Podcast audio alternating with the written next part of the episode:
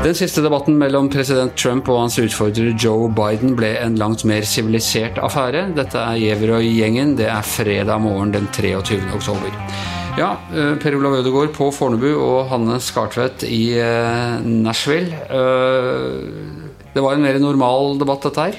Ja, dette var noe helt annet enn den forrige debatten.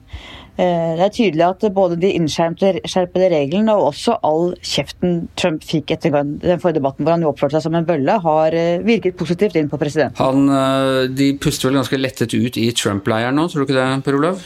Jo, jeg tror det. Og i hvert fall spesielt innledningsvis så var han mye mer eh, eh, han var mye tydeligere, og han var også på eh, Snakket direkte.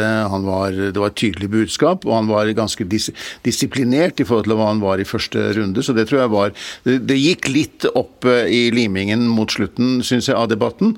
Men, øh, men jeg syns i store det hele at han behersket seg bedre, og han vant i større grad på det. Biden var mer på det jevne. Og så syns jeg det var ganske interessant at, uh, de at, debatten handlet om te temaer som i liten grad var framme forrige gang. Altså Det var en ganske inngående debatt om uh, helsepolitikk og om nasjonal sikkerhetspolitikk. Viktige temaer i et uh, presidentvalg. Jeg la faktisk merke til, fordi de skrudde jo av lyden på motparten når under de der to minutters innledningene på, på, hvert tema. Da tror jeg faktisk at Biden Man hørte det jo ikke så godt avbrøt i anførselstegn mer, eller var sånn 'not true, not true' og, og sånne ting.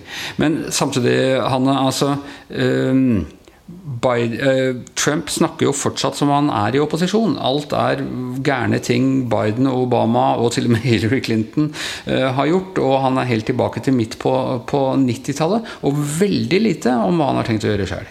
Ja, det har jo vært gjennomgående gjennom hele valgkampen. Og det har jo også Trumps egne strateger eh, vært bekymret for. At Trump ikke er i stand til å legge ordentlig fram hva han planlegger å gjøre de neste fire årene, men bare snakker om hva han mener uh, at demokratene har gjort lenge før han selv kom til makten. Og, og Spørsmålet er da, tror du Per Olav, at Trump vant noen nye velgere her? han forsøkte nok å henvende seg til den kanskje ganske lille gruppen som det er av usikre velgere nå. Eh, og han eh, forsøkte nok der å appellere på flere fronter egentlig til de. Eh, og først og fremst ved å snakke om den økonomien og at han er den beste til å sikre at, at USA får økonomisk vekst igjen. Og at og da, da, tegner han jo dette velkjente skremmebildet av Biden som at han representerer en radikal ny endring osv. En radikal ny omlegging av politikken, og, og, at det ikke vil tjene dem. Så det, det var nok jeg, jeg, tror ikke det er veldig effektivt. Jeg tror, det, jeg tror, ikke dette flytter mange stemmer. Vi sa det etter første debatt også. Jeg tror ikke eller denne kommer til å flytte veldig mange stemmer. Men det er ikke og når, når, når, Trump snakker om Biden, så er det jo ikke egentlig så mye av det han har gjort galt til. Men han, han anklager hele tiden for ikke å ha gjort noen ting på 47 år i det offentlige liv. Og at Trump og han var veldig tydelig på det Trump denne gangen også, at han, han, er ikke en politiker, han er kommet inn i dette her. Han er en outsider. Han er fortsatt en outsider etter fire år i Det hvite hus, og det er en ganske spesiell påstand. Jeg tror kanskje at noen av de som har veldig problemer med hans personlighet og hans bøllete opptreden, men som liker politikken, jeg tror jeg kanskje syns det er litt lettere å stemme Trump etter den debatten enn de syns før Eh, vil jeg tro. Og jeg tenker også at Den som hadde mest å tjene på å opptre på den måten han gjorde nå, var jo Trump selv. Eh, fordi i forrige gang så kunne Biden bare stå der og himle med øynene og, og så, se på dette her. Eh, nå ble Biden utfordra på en god del ting. Problemet er at Trump er så i beste fall omtrentlig og i verste fall direkte løgnaktig når han karakteriserer Biden og sier hva Biden har sagt. og og eh, hva Biden står for. Så at Biden kan til en viss grad også liksom bare fortsette det eh, grimasegreiene. Jeg er sikker på at vi kommer til å se masse sånne uh, memer og sånn nå i, timene og dagene som kommer, hvor du ser Bidens helt oppgitte uh, uttrykk.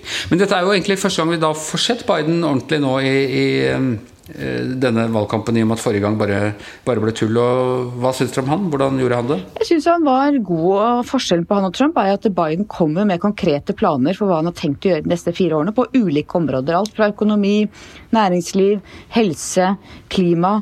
Han har substansiell politikk, innhold i politikken på hva han tenker de neste fire årene. I motsetning til Trump som jo bare ser tilbake og bare kritiserer og angriper og sier svært litt om hva han selv ønsker å gjøre. Han, altså, Trump prøvde jo i begynnelsen omtrent å forestille Biden som eh, dement, eh, og det er jo helt åpenbart at han ikke er. Han er en god debattant, men han stammer og fomler litt eh, innimellom, Per Olav. Hvordan tror du det virker inn? Han har jo et, et litt sånn taleproblem, og det har han jo egentlig hatt hele sitt liv. Han, han har en sånn stamme som han behersker, som han stort sett klarer å beherske ganske bra i sånne debatter. Men han, det er jo en og, men jeg synes jo at han har gode resonnementer. Han, er ganske... han, han viser stor kunnskap, spesielt på et område de snakket om med helsepolitikk, syns jeg han var veldig god. Ehm, jeg syns også at han, eh, han er bra når det gjelder å snakke om og det er jo relatert til det, med pandemien. Jeg hadde opplevelsen av at Trump var mest innstilt på å komme videre ut av den diskusjonen om pandemien så fort som mulig, mens, mens, Biden gjerne ville fortsette å snakke om det i det vide og brede. Det er veldig ulike tilnærminger de to har til akkurat dette.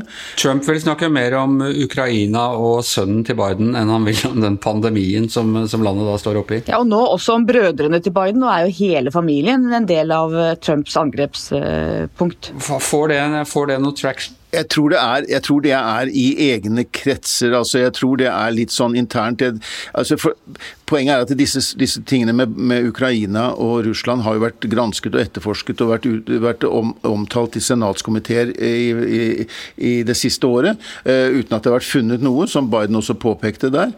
Uh, men uh, det kan vel men, men, det er ganske påtagelig hvordan Trump er veldig presis og nøyaktig med, med, med både beløp og med navn når det gjelder disse anklagene mot, mot Biden som på ingen måte er noe som er bekreftet. Dette er, dette er påstander. Uh, mens han, når han skal forklare sin egen politikk, så er det veldig vagt og usikkert, og i hvert fall hva han har tenkt å gjøre i tiden fremover, hvis han skulle bli gjenvalgt. Jeg tenker at noe av Bidens aller sterkeste uh, er når, han, altså når Trump holder på med det at det er bare i de, i de uh, demokratiske statene at smittetallene er ille, og det er, de, det er der det går dårlig økonomisk og sånne ting, så er Biden ganske god når han kjører på det. Jeg snakker ikke om blå stater eller eh, røde stater. Jeg snakker om De forente stater. Og han har en appell der til nettopp altså Navnet på landet er De forente, forente stater. Og at det kanskje kan virke inn på en del, en del, velgere. Det så vi også i sluttappellene deres, at eh, Biden snakket nettopp om å samle. og Der tror jeg han har veldig sterk appell. For mitt inntrykk er at mange amerikanske velgere er nå så lei av det splittede. De ønsker å samles, de ønsker eh, samarbeid på tvers av partigrensene. De er lei av den veldig veldig dype splittelsen USA er i akkurat nå. Og der hadde jo ikke Trump noe å by på eh, i sin appell hvor han ble spurt om hva ønsker du å si dersom du skal holde din innsettelsestale i januar. Samtidig så vet vi jo godt at eh, dette valget avgjøres i enkeltstater, og eh, jeg syns jo Trump eh, på et punkt der var ganske dyktig til å snakke direkte til velgere i Texas, Oklahoma, Ohio, når det gjaldt dette med oljeindustrien, hvor han liksom da sa at hvis Biden blir, blir valgt, så vil han komme til å rasere oljeindustrien. Og da snakket han direkte til velgere der, som kan være på vippen i de statene der. Og det, det var litt det, Da syns jeg han var ganske effektiv. Selv om han selv eh, fortegnet den politikken som eh, Biden sto for, så var det en ganske effektiv appell. Ja, Dette blir spennende, ikke minst i, i Pennsylvania, som er, eh, som er, eh, kanskje den viktigste Og Et av de områdene hvor vi så reell politisk substansiell eh, uenighet, var jo nettopp i klimapolitikken, i spørsmål om solenergi og vindenergi, hvor vi vet at det er veldig ulike meninger og ulike tilnærminger. Og Der argumenterte de godt, syns jeg, for hvert sitt synspunkt. Men, men, det er også en sånn typisk som Trump har. Han, han, henger seg opp i at disse barna som da er blitt fratatt foreldrene på grensen og sånne ting, så holder han på med at disse burene, burene ble laget under Obama-administrasjonen. Da er han helt opphengt i det og bare snakker om at Biden han gjorde ikke annet enn å bygge bur, står han liksom nærmest og, og roper. og det blir Av og til så tar det liksom av i de der helt bisarre sidesporene. Og de små vinduene. De små vinduene han snakker om. Ikke sant? Ja, ja. I klimapolitikken så vil Biden og de bare ha bitte små vinduer, kanskje ikke vinduer i det hele tatt på byggene, og folk lurer på hva, hva er det det der handler om? Og, og når, det gjelder klima, når det gjelder klimapolitikken, så syns jeg jo dette med at uh, det, var, det, var, så urettferdig avtale, Parisavtalen, så man måtte trekke USA ut av den. for den var urettferdig.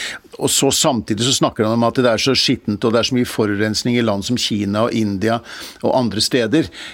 Avtalen var nettopp en global avtale for at også USA skulle være med, og også da legge press på de landene der. Det er jo egentlig et kjempeargument for å bli i avtalen når, når dette, er, når dette er globale problemer. Så eh, han møter seg ja, selv. Han ga fra seg lederskapet der. Men vi er VG, vi må kaste terning. Uh, hva sier vi? Jeg kan vel røpe at vi hadde diskusjoner underveis vi har hoppa litt fram og tilbake alle sammen.